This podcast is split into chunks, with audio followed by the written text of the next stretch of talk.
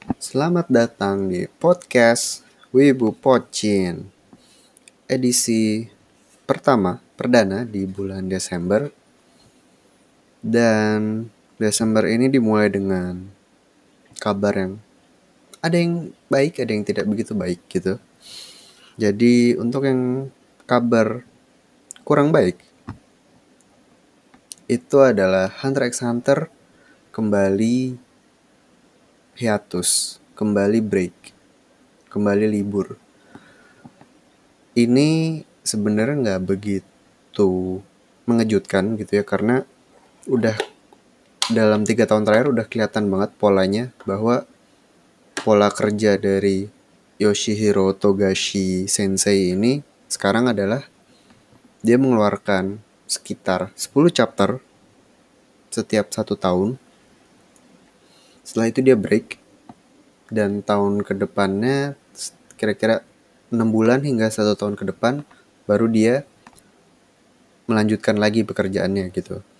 Jadi kenapa 10 chapter itu karena itu adalah jumlah yang cukup gitu untuk dijadikan satu jilid buku gitu untuk dibuat versi tankobonnya dan dicetak. Jadi kemungkinan mungkin ada sejenis uh, deal gitu kali ya antara Togashi dengan pihak Shonen Jump dengan pihak editorial juga bahwa uh, pola kerja lu oke okay, boleh kayak gini tapi seenggaknya kita bisa menghasilkan sesuatu gitu loh. Dari setiap kali lo uh, mengerjakan serial ini. Karena pada break-break yang sebelumnya yang udah lima tahun lalu lebih itu bener-bener sporadis. Ada yang dua tiga chapter langsung break. Ada yang lima chapter break lagi. Bener-bener sayang gitu loh dalam artian kalau lompat-lompat gitu uh, jumlah chapternya jadi kurang untuk dijadikan satu jilid buku. Dan akhirnya penjualan dari serial itu juga nggak maksimal kan jadinya. Jadi ya ini uh, bukan hal yang udah bukan hal yang mengejutkan lagi dan kalau memang polanya seperti ini dan si Togashi enjoy menurut gua ya ya udahlah di, di dinikmati aja. Dan bukan cuma Hunter x Hunter yang hiatus lagi uh, ada satu serial lain yaitu World Trigger. Jadi setelah sekitar 5 chapter berjalan di Shonen Jump gitu kan. Yang setelah sebelumnya lagi mengalami hiatus yang luar biasa panjang menurut gue salah satu yang terpanjang gitu dalam satu streak dia break atau hiatus yaitu selama hampir 2 tahun. Hmm, serial ini World Trigger akan kembali break gitu. Dan bukan cuma break dia bakal pindah ke majalah komik lain. Jadi mereka udah nggak di Shonen Jump lagi, Weekly Shonen Jump. Mereka bakal pindah ke Jump SQ atau Jump Square yang merupakan majalah komik bulanan dari publisher Shueisha. Jadi publishernya sama seperti Weekly Shonen Jump, cuman ini lebih seperti kayak apa ya produk line yang lain lah dari Shueisha. Jadi untuk mingguan ada Shonen Jump dan untuk bulanan ada Jam SQ. Kayak gitu. Nah, jadi gue nggak tahu kapan uh, bakal di pick up lagi sama tim Scanlation gitu. Tapi habis cari-cari uh, tentang Jam SQ ini, jadi mereka rilisnya itu setiap tanggal 4 Desember. Uh, yaitu di bulan-bulan inilah di minggu-minggu ini sorry. Jadi di awal bulan kan. Nah berarti mestinya ya uh, as we're speaking right now eh uh, saat gue lagi ngomong ini mestinya se, se chapter terbaru dari World Trigger yang sekarang bakal terbit di Jam SQ uh, eh, mestinya lagi dikerjain sama tim-tim scan later nih jadi mungkin minggu ini atau minggu depan uh, udah bakal muncul gitu udah bakal bisa kita baca. Dan kalau gue pribadi sih rasanya agak agak jadi kerasa hampa gitu karena dalam seminggu sekaligus tiba-tiba ada dua serial yang menghilang gitu. Jadi ya agak sedih aja sih. Dan itu tadi tentang World Trigger jadi walaupun break uh, dalam waktu yang nggak begitu lama bakal muncul lagi nah untuk Hunter x Hunter juga ada kabar yang sedikit baik gitu jadi uh, setiap edisi Shonen Jump itu ada satu kolom ada satu halaman khusus yang isinya adalah pojok komentar gitu. Jadi di halaman tersebut setiap penulis yang serialnya berjalan di Shonen Jump itu mereka dapat kayak satu kotak, mereka bisa menyampaikan apa pun yang mereka suka gitu.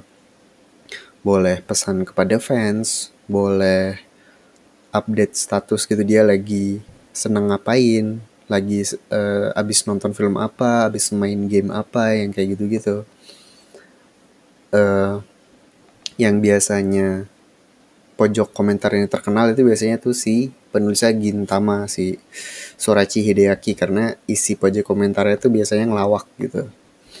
Jadi suka jadi uh, kocak aja. Nah untuk pojok komentar di minggu lalu uh, waktu Hunter x Hunter chapter terakhir di tahun ini rilis dia memberikan komentar seperti ini. Dia bilang kalau draft untuk 10 chapter berikutnya dari Hunter x Hunter udah selesai dibuat gitu. Dan dia bilang kalau udah ada waktu bakal gue selesaikan secepatnya. Terutama kalau kondisi kesehatan gue udah mendukung. Nah ini jarang-jarang nih dia memberikan update seperti ini karena biasanya uh, pihak editorial dan khususnya pembaca itu sama sekali nggak dikasih tahu apa yang terjadi dengan si penulis si Togashi dan kira-kira kapan bakal lanjut lagi serialnya. Uh, jadi setiap hiatus tuh gue yang nggak pernah nggak pernah ngarep cepet-cepet balik gitu ya suka-suka dia lah kapan mau lanjut lagi. Nah dengan informasi ini menurut gue sih uh, ini bagus banget karena dengan draft yang udah selesai berarti dia tinggal finishing doang. Dan sayangnya ya dia uh, as far as I know dia tuh kerjanya tanpa asisten tanpa tim. Jadi semuanya dia kerjakan sendiri. Jadi untuk proses finishing pun mungkin butuh waktu yang nggak begitu lama dan eh, nggak uh, mungkin cepet-cepet amat sih karena dia juga bilang ada kondisi kesehatan dia juga yang sedang mengganggu kalau feeling gue sih uh, secepat-cepatnya itu adalah tiga bulan.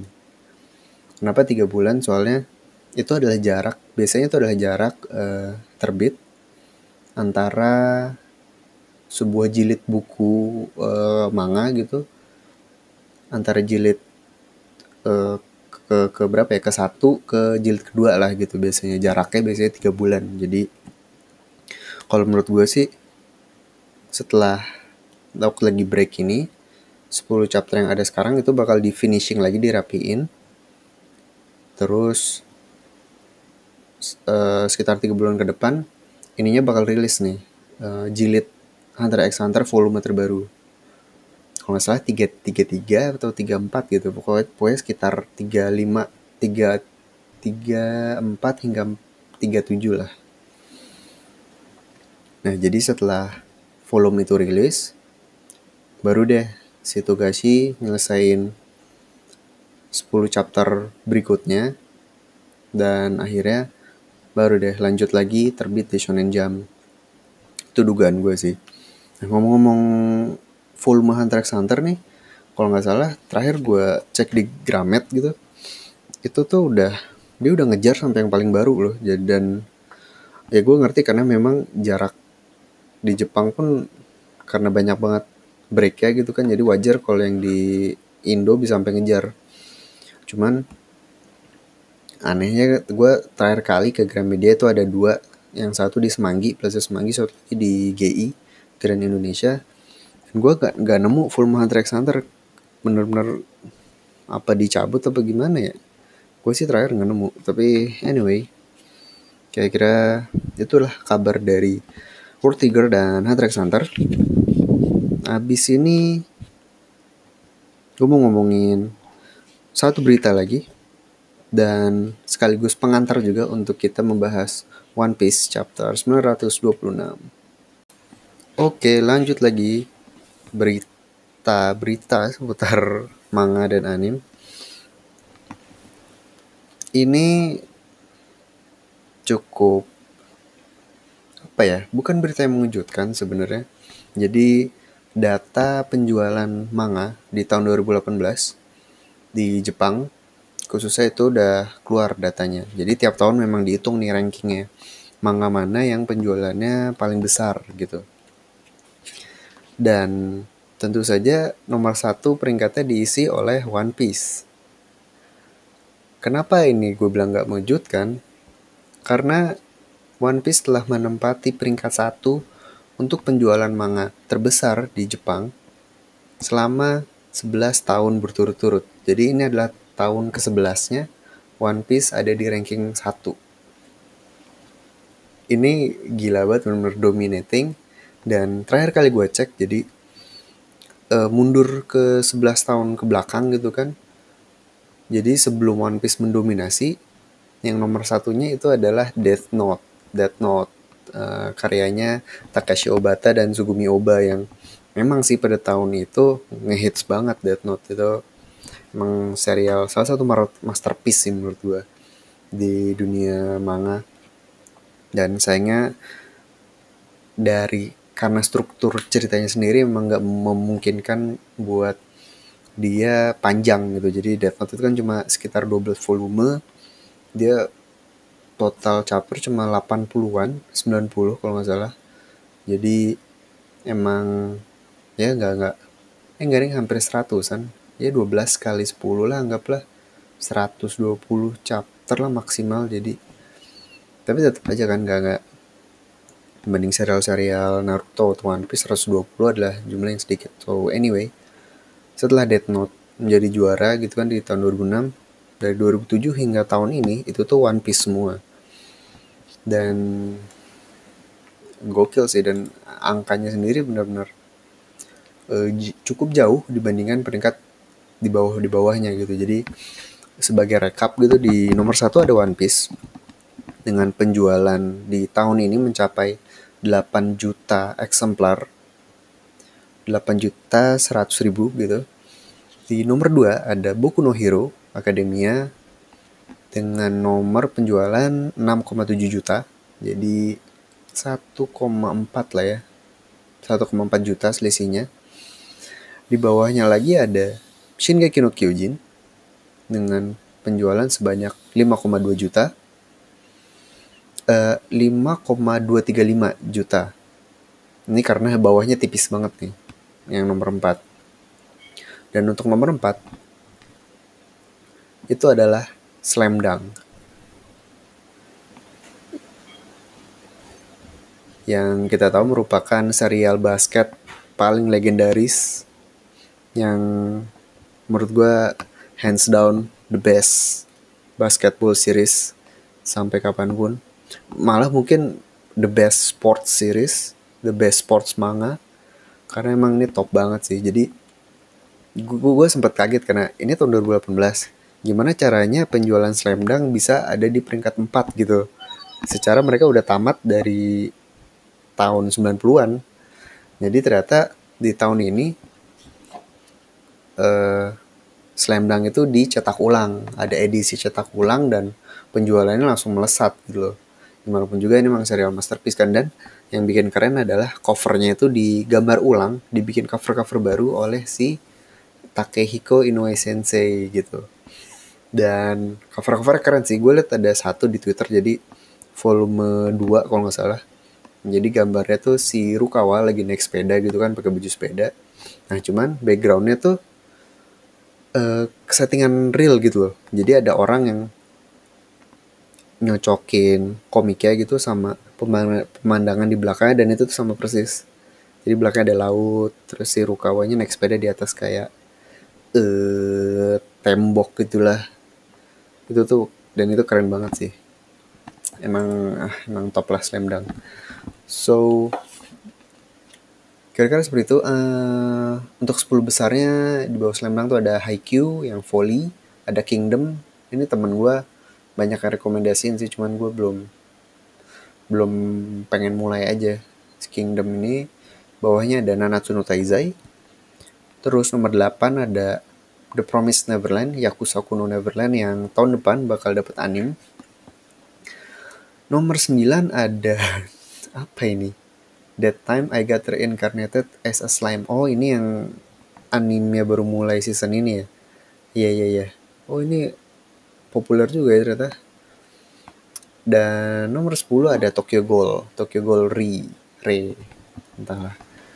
Oke. okay. Um,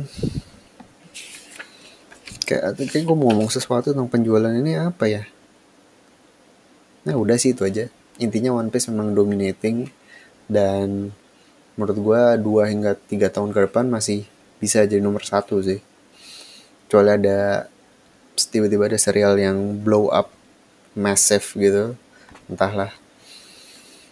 Um, oh iya ada satu lagi berita tentang One Piece dan ini cukup cukup unik ceritanya. Jadi uh, di sekitar baru semingguan ini baru seminggu seminggu dua minggu belum nyampe dua minggu jadi sebuah apa ya jadi ada yang mendirikan patung Luffy khusus gitu di daerah Kumamoto. Nah daerah Kumamoto ini memang uh, kampung halamannya si Eiichiro Oda gitu nah jadi untuk merayakan, bukan sebenarnya bukan merayakan sih. Jadi uh, sekitar tahun 2016 itu kan ada gempa besar banget kan di Jepang.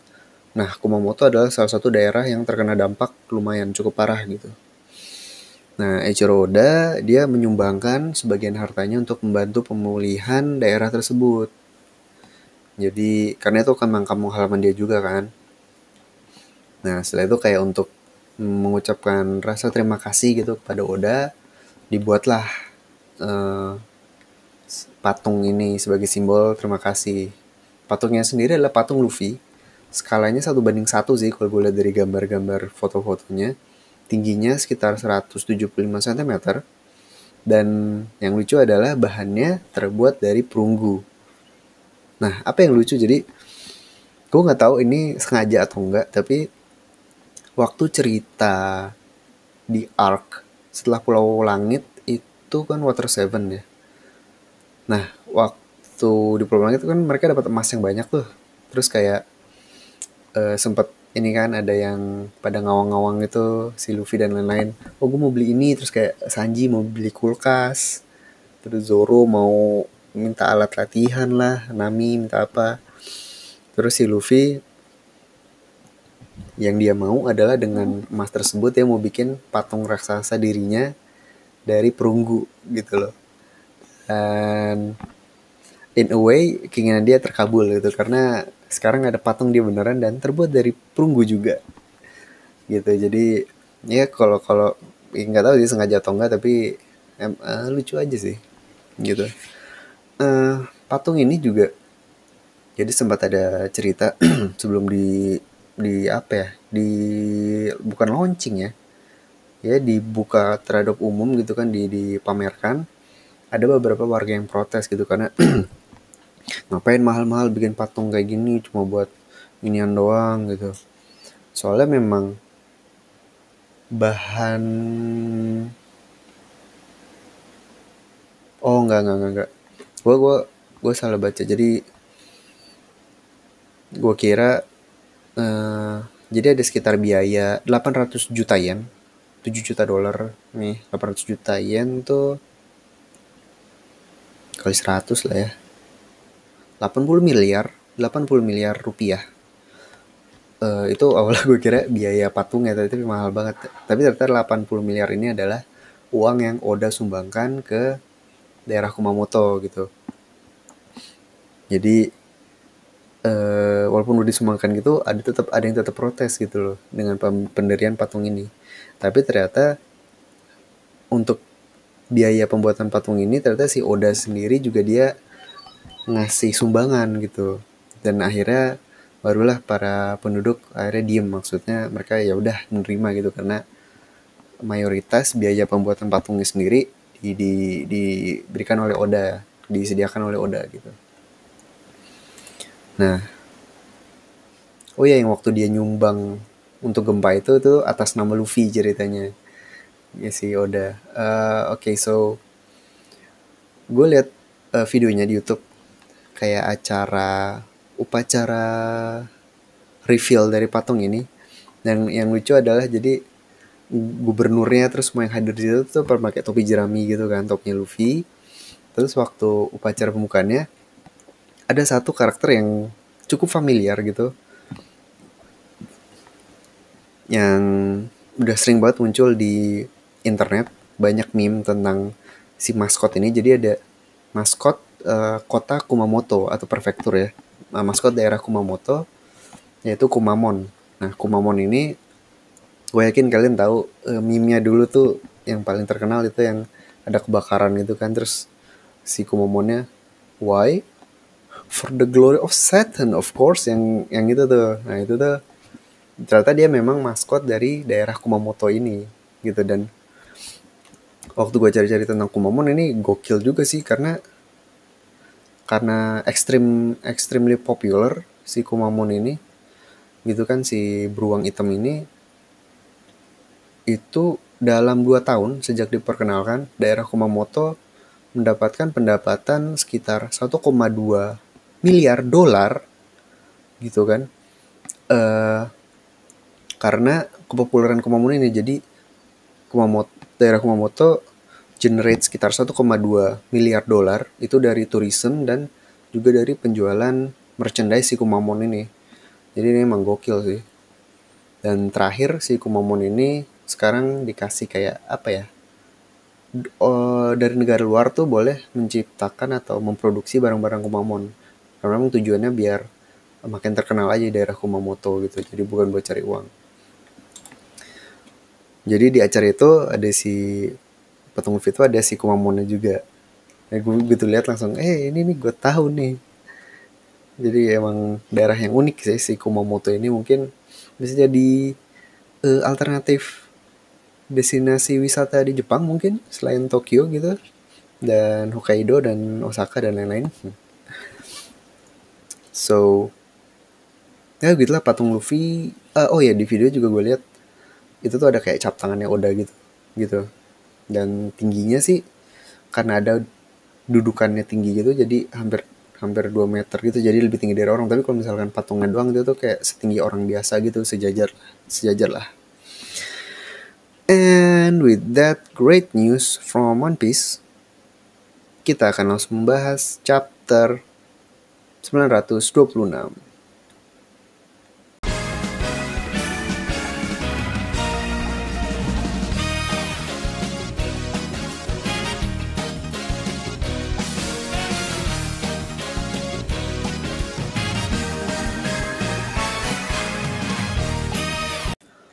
One Piece chapter 926 judulnya Prisoner's Mind yaitu tempat Luffy dan Kid sekarang ditahan cover page-nya masih request menggemar.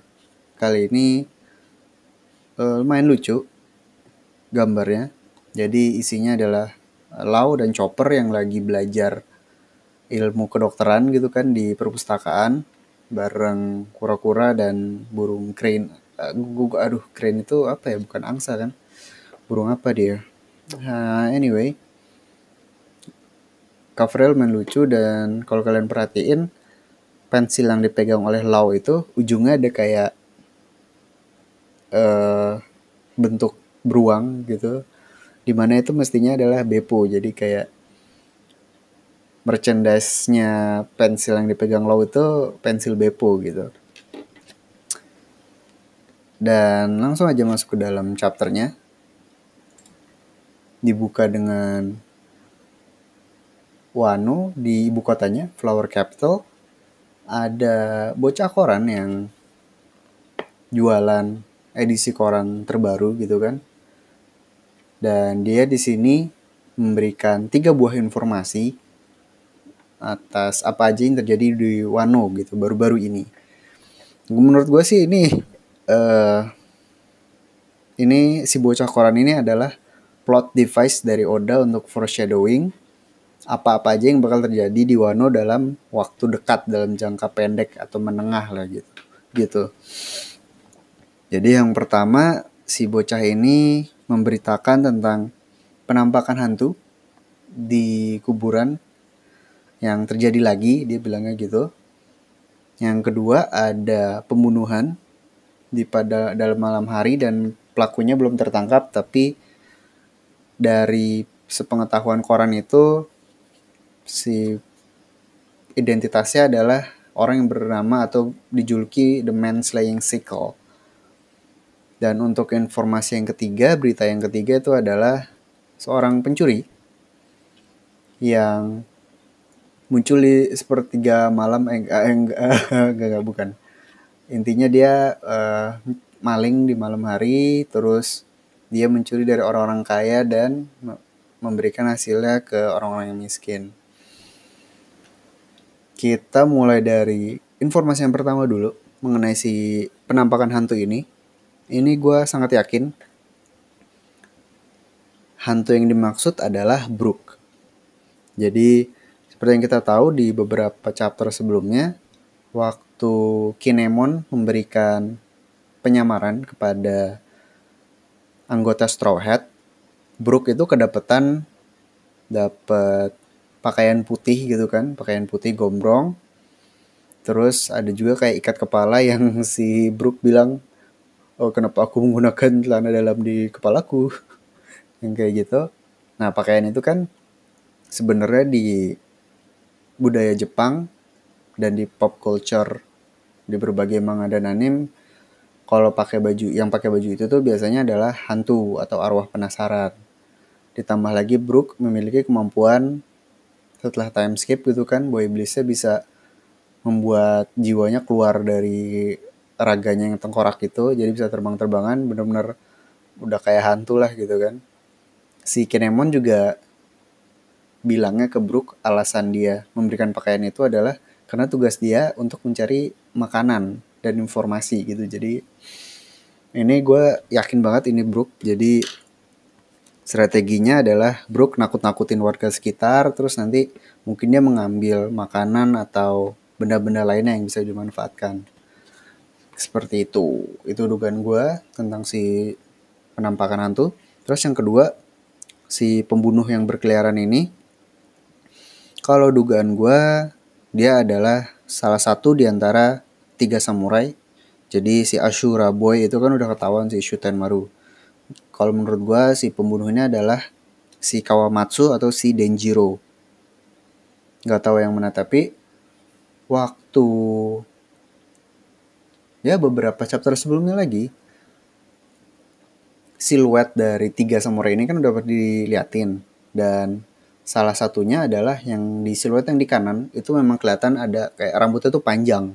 Rambutnya panjang dan diikat gitu belakangnya. Nah gambar yang kita lihat, gambar yang diperlihatkan di sini mengenai sketsa si manslaying cycle ini, menurut gue sangat mirip dengan siluet dari salah satu tiga samurai tersebut. Jadi menurut gue si pembunuh ini ya antara Kawamatsu atau Denjiro yang mestinya sangat kuat gitu kan dan mereka dan dia ini nantinya bakal bergabung dengan aliansi Momonosuke. Terus yang ketiga, si pencuri ini gue nggak punya clue dan gue nggak nggak paham juga kayak Third Hour of the Ox, terus uh, eh, Mr. Ox Tree juga maksudnya atau referensinya itu apa gue nggak begitu paham. Dan di Jaiminis Box juga translate-nya lebih aneh lagi jadi gue nggak nggak ada nggak ada informasi yang bisa gue berikan di sini tapi as far as I know gitu kan kalau steals from the rich and gives to the poor itu kan Robin Hood banget. Nah, di Jepang ini memang ada salah satu cerita rakyat lah gitu lah istilahnya. Tapi ini singkat gue memang legenda yang real uh, di Jepang pada masa lalu yaitu ada namanya si pencuri yang bernama Ishikawa Goemon. Si Goemon ini ya bisa dibilang Robin Hoodnya Jepang karena dia memang membantu rakyat-rakyat yang tertindas itu kan dengan cara uh, mencuri dari orang-orang kaya gitu dari pejabat-pejabat yang korup kayak gitu jadi ya so far itu aja sih yang gue tahu tentang si pencuri ini oke itu adalah berita dari si bocah koran. Selanjutnya langsung pindah gitu kan menyoroti orang yang lagi ya jalan aja gitu kan di tengah kota dan tiba-tiba diperlihatkan bahwa dia memiliki tato bulan sabit gitu di ankle-nya dan dengan cepatnya ternyata di situ ada Usop yang memberikan undangan undangan yang udah disiapkan oleh Kinemon gitu kan dan benar aja orang itu langsung tahu gitu kan mak makna dari gambar tersebut gitu di halaman berikutnya diperlihatkan orang-orang yang bertugas menyebar undangan tersebut gitu kan. Jadi di situ ada Usop, terus ada juga anak-anak anak buahnya Lau gitu kan, Beppo, Sachi dan Penguin. Ada juga nah, udah sih itu aja. Kayaknya yang bertugas berempat itu dan setelah itu diperlihatkan beberapa karakter gitu kan. Ada yang mukanya belum diperlihatkan, ada juga yang udah diperlihatkan.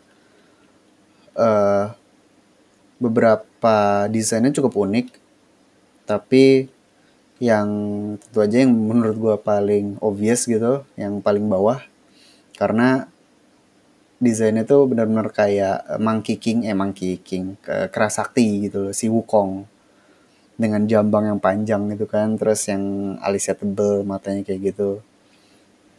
Um, menurut gue ini bakal jadi karakter yang mungkin nggak pen mungkin nggak penting-penting amat tapi menurut gue dia punya kekuatan yang menarik selanjutnya ada juga karakter yang baru lagi. Belum ada perkenalannya tapi dia benar-benar sangat bersemangat gitu kan kayaknya. Pengen membantu klan Kozuki.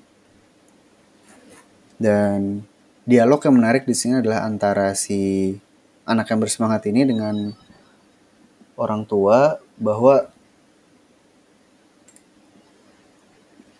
di Wano keadaan sekarang adalah kalaupun kita mau melawan balik gitu kan melakukan pemberontakan terhadap Shogun Orochi kita mau melawan dengan apa? Karena semua senjata atau kepemilikan senjata gitu kan sudah dilarang oleh pemerintahan Shogun Orochi. Jadi yang boleh punya katana itu cuma samurai. Samurai yang resmi gitu. Pastinya cuma samurai yang di yang merupakan eh, di bawahnya gitu loh, anak buahnya Shogun Orochi. Terus dojo-dojo kendo, karate dan judo juga udah di dilarang gitu kan jadinya kesempatan untuk memberontak tuh sangat kecil. Jadi semua kesempatan untuk melawan baik dengan senjata maupun dengan bela diri itu udah direnggut oleh Orochi. Yang menurut gue menarik adalah pertama si bapak-bapak ini menyebut kendo, karate dan judo. Terus gue langsung uh, merasa bahwa para pendekar Wano nih bukan cuma samurai pedang doang nih. Kemungkinan kita nanti bakal melihat para martial martial artist yang memiliki ilmu karate dan ilmu judo gitu. Dan menurut gue ini exciting sih. Nanti bakal ada karakter-karakter yang kekuatannya based on martial artist jadi gue yakin pasti ada yang keren juga dan minimal bisa sekeren inilah karakter karakter karakter yang waktu di bukan One Piece sih, wah karakter di One Punch Man gitu kan yang waktu turnamen bela diri. Itu kan top top tuh karakter dan jurus-jurusnya. Jadi gue pikir menurut gue bakal sekeren itu sih. Nah terus mengenai senjata juga ini nanti kalau menurut gue sih nyambung dengan scene berikutnya. sebelum ganti scene ada apa ya intermission intermezzo di sini bahwa Usop ngumpul-ngumpulin orang karena dia mau mengatakan sesuatu. Nah, gue nggak tahu ini merupakan salah satu bentuk atau cara si Usop untuk mencari samurai-samurai tersebut atau memang lagi jualan aja gitu kan. Nah, scene berikutnya ini kita akan melihat Nami yang sedang eh, tanda kutip berlatih gitu kan menjadi kunoichi. Kenapa gue bilang pakai tanda kutip karena basically Nami memang dasarnya tuh pencuri kan. Eh, dia memang udah punya skill set lah kalau menurut gue kalau untuk spying atau eh, maling-maling barang gitu atau sembunyi-sembunyi. Jadi di dalam misi ini Nami bersama Shinobu ngintip sebuah transaksi gitu kan. Yaitu ada sebuah invoice, invoice ada sebuah permintaan untuk memproduksi senjata gitu. Jadi kemungkinan ordernya ini ya dari negara luar Wano gitu kan yang nantinya bakal diteruskan ke pabrik-pabrik senjata punyanya Kaido gitu si orang ini sendiri yang ya dia kita anggaplah anak buah Kaido gitu atau Orochi dia cukup terkejut karena order senjata yang kali ini datang banyak banget uh, ini siapa yang minta nih? Apakah emangnya mau ada perang apa? Banyak banget yang di, di, dipesan gitu. Ini ada beberapa yang kayak khawatir gitu. Apakah nanti order-order senjata ini bakal berpengaruh ke arc berikutnya? Apakah memang sedang ada karakter yang mau merencanakan sebuah perang besar-besaran? Tapi kalau menurut gue sendiri ini nyambung sama uh, scene yang sebelumnya gitu nah biar makin jelas kita lanjut dulu gitu kan ceritanya. Jadi si Nami lagi ngintip terus akhirnya ketahuan kan. Dan Nami udah berusaha bersembunyi dan diem-diem tapi ternyata Shinobu sungguh ninja yang uh, tidak patut dijadikan panutan. Karena dia teriak-teriak like di saat orang masih sembunyi dia mulai teriak-teriak gitu kan wah terus kami diem diem dan ini menurut gue emang chapter chapter seperti ini adalah chapter-chapter yang di mana jokes-jokesnya tuh paling mantep lah gitu dari Oda. Uh, dan ini adalah salah satunya jadi woi keluar lu yang nyusup gitu kan terus Nami kayak hah oh kucing doang. Terus si Nobi malah ah dia malah teriak gitu kan. Dan penyusup dan kucing gitu that's a nice joke. Gue itu lucu sih kayak intruders and a cat ya yeah. ada bisa bisanya gitu kan. Uh, tapi Nami dan Shinobu berhasil kabur dengan teknik layangan manusia. Uh, teknik ini sebenarnya kalau zaman dulu nonton apa ya? Ninja Hattori. Nah ini teknik yang sering banget ya dilakuin sama si Hattori. Jadi ini bisa bilang a staple tekniknya ninja-ninja Jepang lah gitu. Nah saat mereka kabur ternyata Nami udah dapet infonya tentang pelabuhan tanggal pengiriman senjata dan hal-hal lain. Jadi si Shinobu sendiri cukup puas dengan informasi tersebut. Jadi yang gue maksud uh, nyambung dengan scene sebelumnya adalah jadi rencana dari Kinemon adalah untuk mengambil sebanyak mungkin senjata yang diproduksi oleh Kaido gitu. Jadi nanti sebelum dikirim bakal direbut oleh mereka dan nanti bakal dikasih ke hmm, orang-orang yang mau memberontak, yang mau membantu Kinemon untuk menggulingkan Kaido dan Orochi gitu. Jadi nanti bakal ada misi untuk mengambil alih senjata-senjata dagangan tersebut gitu kan. Dan nanti bakal dikasih ke para prajurit-prajurit Kozuki. Jadi itulah yang makanya eh sebelumnya yang ada si orang tua yang agak pesimis gitu karena kalau mau memberontak tapi nggak ada senjata gimana Nah ini adalah solusinya gitu dengan operasi yang akan Kinemon lakukan ini dan tahap dan tahap pertamanya adalah dengan mencari informasi di mana transaksi senjata tersebut akan dilakukan. Gitu kira-kira. Oke, selanjutnya saat lagi terbang uh, Nami melihat antrian yang panjang gitu kan. Ternyata dia adalah Sanji yang di Wano namanya menjadi Sangoro. Dia lagi jualan mie gitu kan, mie soba dan tentu saja masakannya Sanji luar biasa enak gitu kan. Jadi yang ngantri sampai berkilo-kilometer. Banyak banget yang ngantri dan makan. Eh uh, gue nggak nggak tahu sih kalau dari sini nggak kelihatan apakah yang ngantri cewek doang atau cowok juga boleh karena namanya Sanji ya pasti dia cuma nawarin ke cewek doang gitu kan jadinya Nami agak kesel gitu. Ngumpulin orang sih ngumpulin orang tapi bukan samurai yang kumpulin gitu kan. Dan yang cukup menarik adalah ada sebuah karakter hitam karakter siluet gitu kan yang kayaknya kesel sama kelakuan Sanji. Yang dia bilang kayak emang dia gak tahu apa ini pulau siapa jadi dia kemungkinan ya kalau bukan anak buah Orochi ya pasti anak buahnya Kaido dan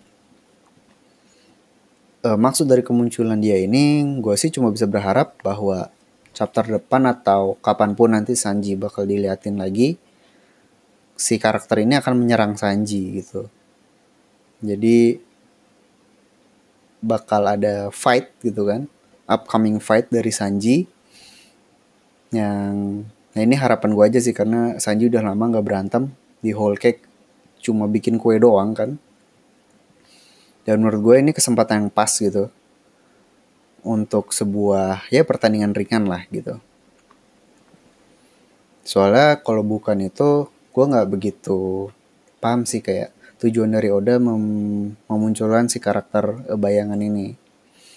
Kayak gitu. Oke berikutnya uh, ke bagian kedua menurut gue kalau dari chapter ini karena bagian yang sebelumnya fokus ke anak-anak Straw Hat dan operasi mereka sambil menunggu hari H gitu kan penyerangan di Onigashima dan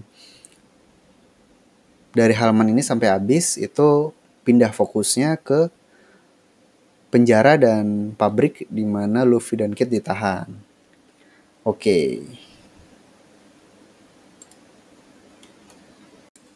Balik lagi, lanjut bahas One Piece chapter 926. Untuk paruh kedua dari chapter ini isinya adalah membahas tentang penjara di mana Luffy dan Kid ditahan. Jadi dibuka dengan sebuah apa ya? Dengan pengenalan sistem gitu kan, bagaimana penjara ini bekerja. Jadi setiap budak yang melakukan pekerjaan tertentu gitu kan makin banyak mereka bekerja makin banyak makanan yang mereka dapatkan gitu. Nah di sini jadi ceritakan ada kakek yang cuma bisa bekerja terbatas gitu kan karena udah tua dan akhirnya cuma dapat sebiji dango kue dango dan malah dia akhirnya disiksa sama si uh, jailernya gitu. Nah di sini nih gue udah lama banget gak gak nemu gitu kan secara secara tanpa niat gitu gue menemukan pandamen. Jadi di halaman ini panel ketiga gitu. Panel yang tengah yang kanan. Nah waktu si kakeknya lagi terkapar di jalan ini di tengah-tengah tuh ada si pandamen jelas banget. Dia lagi meliatin si kakek gitu kayaknya kasihan. Si pandamen ini buat yang kalau menurut gue sih kalau kalian yang tipe yang maraton gitu kan jadi baca One Piece baru setahun dua tahun belakangan atau malah mungkin cuma hitungannya bulan kemungkinan nggak bakal pernah notice si karakter ini. Jadi ini adalah sejenis Easter egg dari Oda gitu bahwa dia suka menyisipkan karakter ini di setiap ceritanya. Karakter sendiri gak punya latar belakang atau apa gitu. Sebenarnya ada latar belakangnya. Di pojok SBS gitu pernah ceritakan sama Oda bahwa dia ini orang yang punya hutang atau apa terus karena dikejar-kejar penagih hutang dia jadi keliling dunia gitu kan uh, alasan lucunya gitu. Dan akhirnya karena itulah dia bisa muncul di semua cerita One Piece mulai dari East Blue, Grand Line, muncul di New World sampai sekarang gitu kan. Dan somehow sekarang ada di penjaranya Wano gitu. Si Pandamen ini ya emang simply cuma easter egg aja sih. Dan kalau kalian main gamenya dulu yang di PS1 itu ada karakternya sendiri Pandamen. Cukup menarik sih karakternya kalau mainin dia gitu. Jurus-jurusnya lucu. Jadi ya anyway uh, ada Pandamen di chapter ini dan gue nggak jujur aja gue nggak tahu sih terakhir kali dia muncul tuh kapan. Sempat juga ada yang pernah nanya gitu kan ke Oda di pojok SPS eh, kok Pandamen udah lama sih nggak muncul. Dan si Oda kayak ya nih gue gua suka lupa gambar Pandamen nanti kalau ingat kapan-kapan gue gambar lagi. Dan kayaknya ya ini adalah salah satu bukti bahwa Oda masih ingat sama karakter sampingannya ini. Sama karakter sampingannya ini. Oke, okay, anyway lanjut. Jadi sistem bekerja dan makanan ini tentu saja di abuse oleh Luffy dan Kid yang meskipun sedang diborgol oleh batu laut gitu kan kayak Roseki mereka masih mampu bekerja jauh jauh lebih baik dibandingkan dengan tahanan yang lain gitu dan karena itu uh, mereka berhasil mendapatkan makanan dalam jumlah yang luar biasa banyak. Nah ngomong-ngomong makanan ini kan dango ya. Dango ini kayak kue beras gitu dan seperti yang kita tahu ini adalah kekuatan buah iblisnya si Otama. Jadi dia bisa ngambil atau membuat kue dango dari pipinya gitu kan. Habis cubit pipinya nanti bisa keluar kue. Dan kue itu punya kekuatan untuk menjinakkan hewan buas. Termasuk di dalamnya adalah para pengguna buah iblis lain. Nah, ada yang kayak, wah apakah ini berarti uh, untuk rencana pembebasan Luffy akan melibatkan Otama dan uh, kekuatan buah iblis saya gitu kan? Tapi menurut gua enggak juga sih karena so far seenggaknya di chapter ini karakter yang punya uh, kekuatan buah iblis slime itu cuma cuma ada satu so far dan para jailer yang lain tuh kayaknya cuma manusia biasa aja sih. Jadi kayaknya rencana misalkan ada sebuah rencana yang melibatkan kemampuannya utama itu kayaknya agak-agak unlikely. So di chapter ini kita melihat ada rivalitas antara Luffy dan Kid yang gue suka banget sih.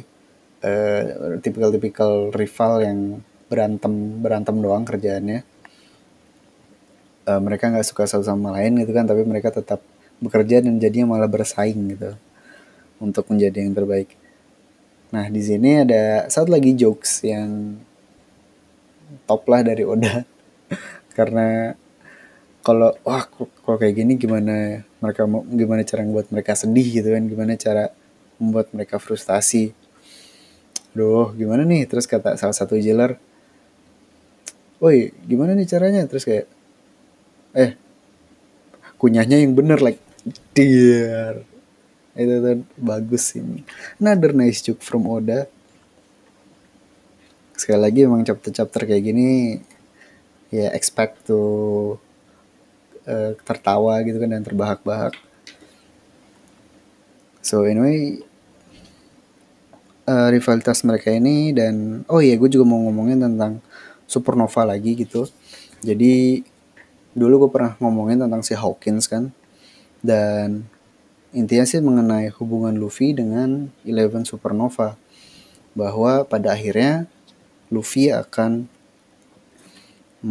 bekerja sama dengan semua supernova gitu. Uh, jadi saat ada kesempatan Luffy ketemu mereka itu mereka bakal bekerja sama.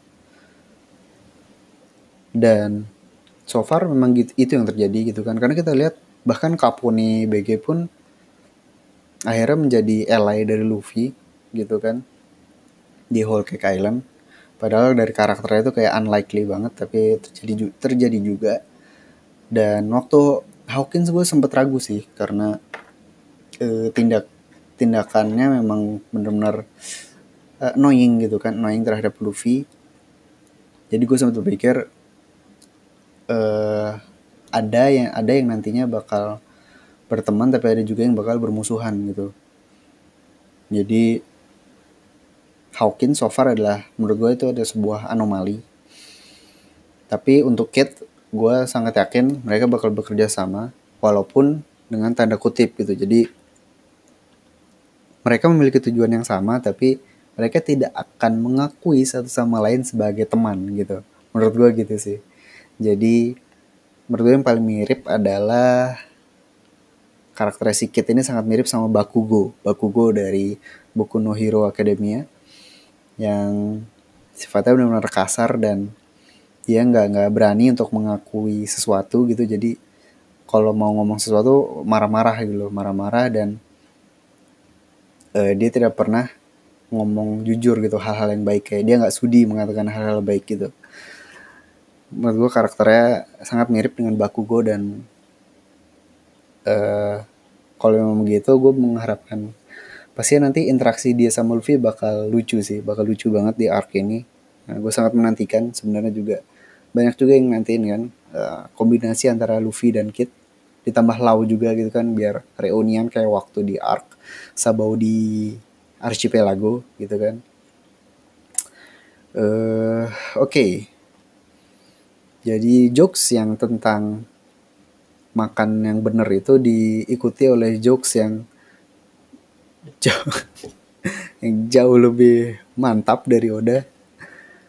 Ini bener-bener dah. Ke, gue curiga desain-desain dari para pengguna slime ini bukan dia yang gambar gitu jadi mungkin dia minta anaknya tolong gambar apa dong binatang terus digambar nih pak terus hmm boleh juga nih ya jadilah para para pengguna slime ini. Salah satunya si Dobon yang memiliki smile buah kudanil. Ini anjir lah. Kepikiran dari mana coba desain sebodoh ini? Dan so far kita lihat memang para pemilik smile ini adalah manusia-manusia yang hidupnya tidak tidak akan nyaman gitu kan. Karena uh, hewan-hewan mereka berada di tempat yang sangat aneh. Seperti yang kemarin tuh si Holdem ada singa di puser itu PTF tapi ternyata ada yang lebih gokil lagi yaitu si Dobon. Karena waktu dia pertama muncul kan kayak dia kayak berdiri terus kan cuma di belakang ada pala kudanya gue kira apa gitu apa kayak cuma sekedar metafora gitu kan bahwa dia punya kekuatan kuda Daniel. Tapi ternyata di halaman itu kita lihat ada penampang ada tampak sampingnya gitu kan dan ternyata anjir WTF kan gue kayak gue sempat memperhatikan nah ini gimana kepikirannya si Oda? Jadi cara bergabungnya antara si Dobon dengan si Kudanil ini sangat aneh gitu. Jadi mulut dia kayak kuda nil gitu kan. Nah tapi yang lebih aneh adalah aduh ini gimana jelasinnya ya? Jadi ada kuda nil kan. Kuda nil gede banget nih palanya di dalam mulutnya yang besar itu ada si dobon. Jadi di mulut bawahnya si kuda nil ini ada kakinya si dobon. Jadi kayak mungkin lebih tepat si Dobon tuh kayak kita anggaplah si kuda Daniel ini makan si Dobon gitu. Cuman dia buat bolongan buat kakinya dia nah terus ya udah dia berdiri dia tuh. Jadilah si Dobon. Jadi dia hidup di dalam mulutnya si kuda Nil Anjir kalau kalian lihat juga pasti bakal kalian pasti ketawa kan ngeliat desainnya si Dobon ini like top banget lah si Oda. Gue masih tiap kali gue baca chapter ini gue masih ngakak sih. Dan anyway si Oda uh, kalau kalian pernah beberapa bulan lalu tuh ada meme yang bila X menggunakan celana apakah akan seperti ini atau seperti itu? Nah itu biasanya tuh buat objek-objek berkaki empat atau yang kakinya banyak lah. Makin banyak makin lucu biasanya meme tersebut. Jadi di meme tersebut ada gambar misalkan anjing. Kalau anjing pakai celana bakal kayak gini atau kayak gitu. Jadi gambar yang pertama si anjing itu jadi kita anggap celana itu fungsinya untuk kaki gitu kan. Nah karena anjing punya empat kaki jadi empat empatnya tuh ada ada celananya gitu. Jadi eh empat empatnya kakinya ada celananya terus mengitari dia gitu si gespernya lah gitu tempat gespernya. Jadi lurus gitu penampangnya. Nah eh, gambar yang kedua itu biasanya menganggap bahwa binatang tersebut dimanusiakan gitu uh, dianggaplah dia berdiri. Maka yang bakal pakai celana cuma kaki belakangnya doang dong. Karena kalau di, berdiriin ya itu bakal jadi kakinya sedangkan kaki depannya ya bisa dianggap kayak tangan gitu. Jadi celananya itu cuma di kaki belakang sama kayak ke pantatnya gitu. Nah untuk untuk meme ini kayaknya Oda sudah memilih jawaban dia sendiri yaitu pilihan kedua. Jadi si Kudanil ini pakai celana di belakangnya doang sama di pantat gitu. Aduh ini lucu banget sumpah gambarnya. Oke okay, anyway uh, si Dobon ini protes kan karena makanannya habis. Siapa yang habisin makanan? Gue gue lapar nih apalagi mulut gue gede kayak Kudanil terus akhirnya dibawalah dibawa ini Luffy sama Kit yang baru selesai makan. Dan ini ini benar-benar lucu sih benar-benar kayak Kit nih benar-benar seperti paralelnya Luffy di mana mereka tuh benar-benar mirip gitu kan. Cuman bedanya Kit ya agak lebih kasar aja karena mereka makannya sama-sama banyak dan hasil dan kalau kita lihat Luffy gendut habis makan udah biasa kan. Tapi ternyata Oda juga menggambar Kit yang jadi super gendut dan ini lucu banget sih. Dan lebih keren lagi juga mereka pencernaannya sama-sama cepat gitu. Jadi cuma dalam satu dua tiga empat lima panel dalam lima panel langsung jadi kurus lagi. Jadi abis Dobun marah-marah uh, si jailer ini ada yang menjelaskan another uh, rules di penjaranya yaitu setiap lu membantah si uh, warden atau petugas penjara gitu mereka bakal mengamputasi tangan lo kalau ngelawan lagi kaki lo berikutnya lo bakal mati kayak gitu.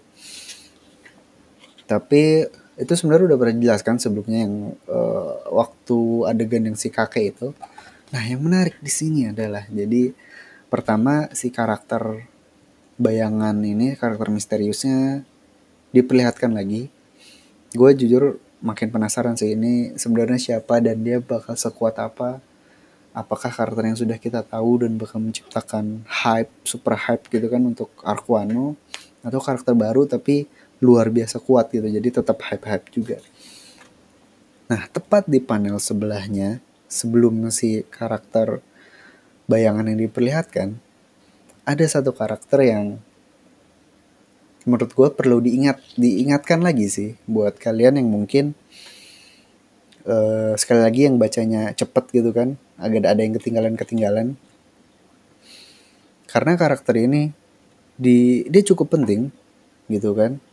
Dia udah pernah muncul di beberapa arc sebelumnya. Dia punya cover story juga tapi kemunculan dia kembali ini nggak ada dialog nggak ada panel nama nggak ada perkenalan apa-apa.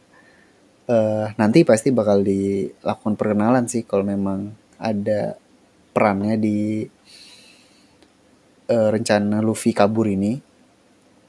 Tapi menurut gue udah bener-bener smart untuk simply naro tampang dia di satu panel kecil itu kan terus ya udah ditinggalin gitu aja menurut gue itu itu pretty smart sih dan buat fans-fans yang memang udah ngikutin pasti bakal banyak bertanya-tanya like kenapa dia ada di sini gitu kan Oke, jadi karakter ini tidak lain tidak bukan adalah Karibo. Yang pertama kali muncul di waktu setelah time skip di arc Sabaudi Archipelago sebelum mereka masuk ke Fishman Island. Karakter ini ngikut di cerita Fishman Island sebelum akhirnya dia ditangkap oleh Jinbei gitu kan. Dan setelah itu dia memiliki cover story sendiri Nah, buat kalian yang mungkin cuma ngikutin anim, ah kalau ngikutin anim gak mungkin dengerin ini ya. Uh, tapi anyway, kalau di anim tuh kan cover story-nya nggak ada yang nggak ada yang diceritain gitu di skip. Jadi nanti kemunculan Karibo bakal agak aneh sih menurut gua di animnya nanti. Tapi si Karibo ini yang kalau nggak salah bounty-nya sekitar 200 jutaan dia memiliki cover story di mana setelah ditangkap oleh Jinbe dia kabur kan dia kabur terus dia nyasar di sebuah pulau yang ternyata pulau tersebut adalah salah satu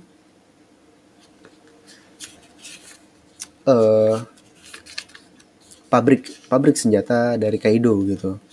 Nah di pabrik tersebut dia menemukan beberapa orang gitu yang ingin memberontak dan mengambil alih pabrik tersebut karena mereka ditindas gitu kan jadi budak. Terus somehow si Karibo mau gitu kan. Karena ada nenek-nenek yang udah baik mengurus dia gitu kan dan akhirnya dia kayak mau membantu. Nah, dalam proses tersebut si Karibo ini ternyata dia mirip sama salah satu anggota pasukan revolusioner Revolutionary Army yang, bertam yang bernama Gaburu. Desainnya sendiri tuh itu benar-benar reference ke Che Guevara sih jadi agak lucu aja. Itu cover story yang lumayan panjang dan lumayan lucu juga. Tapi intinya si Karibo ini akhirnya memimpin pasukan berhasil mengambil alih pabrik gitu kan. Sebelum akhirnya dia ditangkap oleh X Drake. Nah X Drake ini seperti yang kita tahu terakhir kali dia muncul adalah sebelum timescape di mana dia berada di salah satu pulaunya Kaido dan meminta salah satu anak buah Kaido untuk uh, tunjukin gue di mana Kaido gitu. Jadi uh, uh, apa ya? Secara tersirat gitu kan, yang terjadi di setelah yang terjadi kepada dia setelah time skip adalah dia bergabung dengan Kaido di di bajak laut Hundred Beasts Pirates Walaupun sampai sekarang kita belum lihat gitu. Tapi gue sangat yakin bahwa di Arkwano ini kita bakal melihat si X Drake. Kayak gitu. Dan apakah dia jadi headliner? Gue nggak begitu yakin sih. Feeling gue malah dia uh, kemungkinan jadi all star. Feeling gue sih dia bakal jadi salah satu all star. Karena memang kekuatan buah iblisnya cocok gitu kan dengan anak uh, dengan kemampuan anak buah Kaido overall gitu yaitu Zoan. Ditambah lagi zona dia itu mythical kan dinosaurus jadi T-Rex. Jadi menurut gue sangat cocok kalau dia itu jadi uh, pangkatnya di bajak laut Kaido adalah itu adalah All Star ah capek juga. Wah nggak, nggak ada minum lagi. Wah, uh, oke. Okay. Jadi kemunculan Karibo ini menurut gue sangat menarik dan patut diingat bahwa Karibo ini dia tahu bahwa Shirohoshi adalah senjata kuno Poseidon. Gitu. Jadi so far yang tahu ini adalah Raja Neptune, Nick dan Nick Robin. Jadi waktu Nick Robin ngomong ke Neptune itu si si Karibo uh, curi-curi dengar gitu, dia nguping. Jadi nah, kita nggak tahu nih nantinya Karibo bakal memberikan informasi ini kepada kepada siapa? Apakah dia bakal ngomong itu ke Kaido atau Big Mom atau yang lain? E, belum tahu, tapi menurut gua sih nggak mungkin Oda e, membuat scene seperti itu. Maksudnya membuat scene di mana Karibo mengetahui tentang hal tersebut kalau nantinya nggak nggak ada gunanya gitu. Jadi nanti patut ditunggu kapan informasi Shirahoshi adalah Poseidon keluar dari mulut Karibo. Oke. Tadi Karibo, X Drake juga udah. Ark ini kayaknya arc di mana paling banyak supernova bakal muncul gitu ya. Di, di Whole Cake kan cuma Capone. Sebelum-sebelumnya cuma ada Lau gitu kan. Sekarang ada Hawkins, sudah ada Kit, udah ada uh, yang belum muncul itu tinggal X Drake. Itu udah tiga tuh X Drake tiga gue yakin pasti muncul. Terus Apo Stretchman Apo salah satu supernova yang tangannya panjang itu yang buah iblisnya alat musik. Itu karena beberapa duh udah lama sih beberapa puluh chapter sebelumnya itu ada dan dan Mushidia gitu di mana dia melaporkan sesuatu ke Kaido. Jadi fix banget si Apo ini statusnya kayak si Hawkins gitu anak buah langsungnya Kaido. Kemungkinan Apo ini headliner juga. Jadi empat tuh kan. Uh, Kid Hawkins X Drake Apo sama satu lagi Killer. Killer ini kayak second in handnya si Kid gitu. Mungkin kalau eh, Luffy wakilnya tuh Zoro ya si Kid nih wakilnya si Killer. Nah si Killer ini kita belum tahu juga dia statusnya gimana. Apakah jadi anak buah Kaido juga atau malah ditangkap juga mungkin atau sedang berkeliaran di Wano gitu kan menjadi buronan. Nah semenjak gue mikir si Killer ini adalah si pembunuh yang di uh, awal-awal chapter gitu yang diberitakan sama si bocah koran. Karena ya, cocok aja gitu karena dia yang diberitakan sebagai seorang pembunuh gitu kan terus karakternya sendiri uh, si killer sendiri mukanya yang belum pernah kelihatan kan. Jadi ya bisa jadi ini si killer. Tapi lebih mungkin lagi itu kau Kawamatsu atau Denjiro sih. Oke okay, anyway. Itu tentang Karibo nah si Dobon ingin uh, mengeksekusi Luffy dan Kid gitu kan. Jadi ditelan. Terus rencananya, rencananya adalah dihajar di dalam mulut kuda Nil. Tapi tentu saja Luffy dan Kid terlalu kuat. Jadi langsung tumbang si Dobon. Luffy juga langsung bantuin si kakek-kakek yang uh, udah pingsan itu. Terus tentu aja kan karena dihajar gitu seperti yang dibilang sebelumnya mereka bakal diberi hukuman gitu karena telah membangkang terhadap penjaga sipir penjara.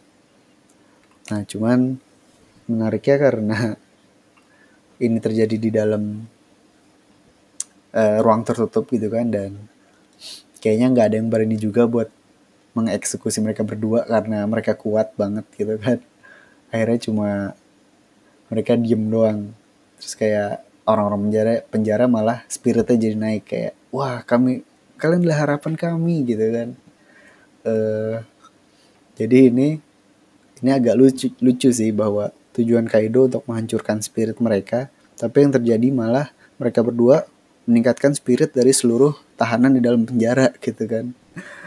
Lumayan lucu sih dan di sini Luffy uh, lagi-lagi mengeluarkan muka khasnya gitu kan kalau lagi bohong yang muka dimoyong-moyongin ini lucu banget sih. Uh, it's a nice running jokes from Oda gitu. Dan ya di situlah chapter berakhir. Nggak ada cliffhanger nggak ada apa-apa. Jadi nggak banyak juga yang bisa kita expect untuk chapter berikutnya. Bisa apa aja. Bisa lompat ke Zoro mungkin atau balik ke Kaido lagi atau malah fokus di dalam penjara gitu. Karena dengan keadaan seperti ini kemungkinan Queen atau King bakal turun tangan gitu untuk langsung menyiksa Luffy dan Kid. Ya, kira-kira seperti itulah chapter 926, chapter yang menyenangkan. It's a classic chapter gitu kan dari Oda. Ada sedikit progress, ada banyak jokes, ada sedikit aksi gitu kan dan ada hype juga. Jadi dan minggu depan nggak nggak break jadi kita bisa tungguin chapter 927 di waktu seperti biasa dan ya kalau nggak ada ekspektasi ini kadang uh, seneng juga sih karena jadi nggak kepikiran nih kan dari dari chapter ini keluar sampai minggu depan tuh kayak wah ini bakal gimana nih kayak santai aja gitu kan chapter depan keluar oh ya udah tinggal baca gitu oke okay. uh, yeah I think that's it for One Piece chapter 926. Ya, yeah. Oke, okay. good good, good chapter, good chapter.